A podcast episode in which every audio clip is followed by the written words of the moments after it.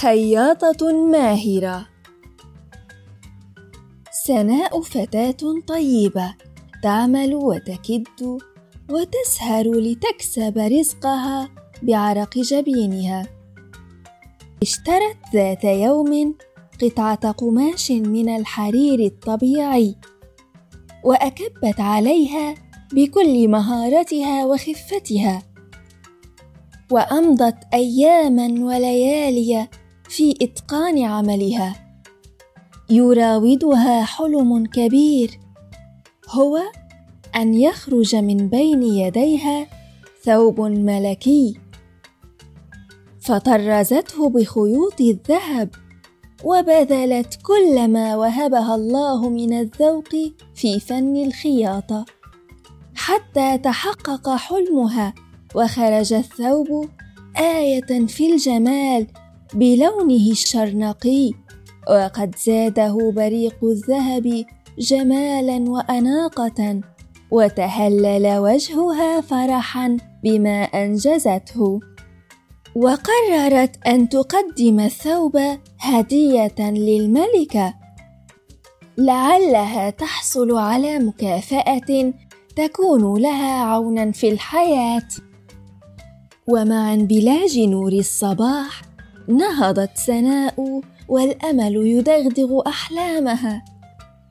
فارتدت ثيابا جميلة خاطتها هي بنفسها واتجهت نحو القصر حاملة الثوب الحريري ولما وصلت إلى الباب الخارجي بادرها الحارس بالسؤال ماذا تريدين أيتها الفتاة؟ قالت أريد أن أقدم هدية للملكة. فقال هل أنت على موعد مع الملكة؟ أجابت سناء لا غير أنني أرغب في تقديم هذه الهدية وهي من صنع يدي لجلالة الملكة. تركها الحارس ودخل القصر ثم عاد إليها قائلا تفضلي بالدخول.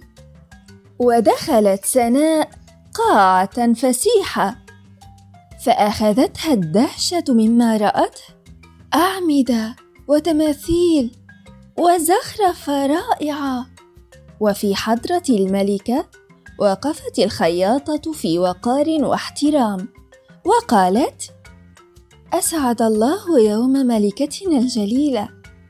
أنا سناء خياطة بسيطة. أردت أن أقدم لجلالتك ثوبا حريريا من صنع يدي فأرجو أن ينال رضا الملكه تبسمت الملكه وتناولت الثوب من سناء وأعجبت بمهارتها وإتقانها لعملها. فقالت لها سلمت يداك الماهرتان يا سناء. لقد قبلت هديتك. إنه حقا ثوب جميل. يدل على ذوق رفيع. ولقد عرفت أن تكوني عذبة الحديث.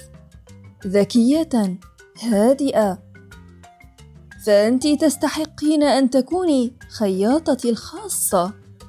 أحست سناء بأن حلمها صار حقيقة. وذاع صيتها في أنحاء المملكة. إلى اللقاء. مع قصة جديدة.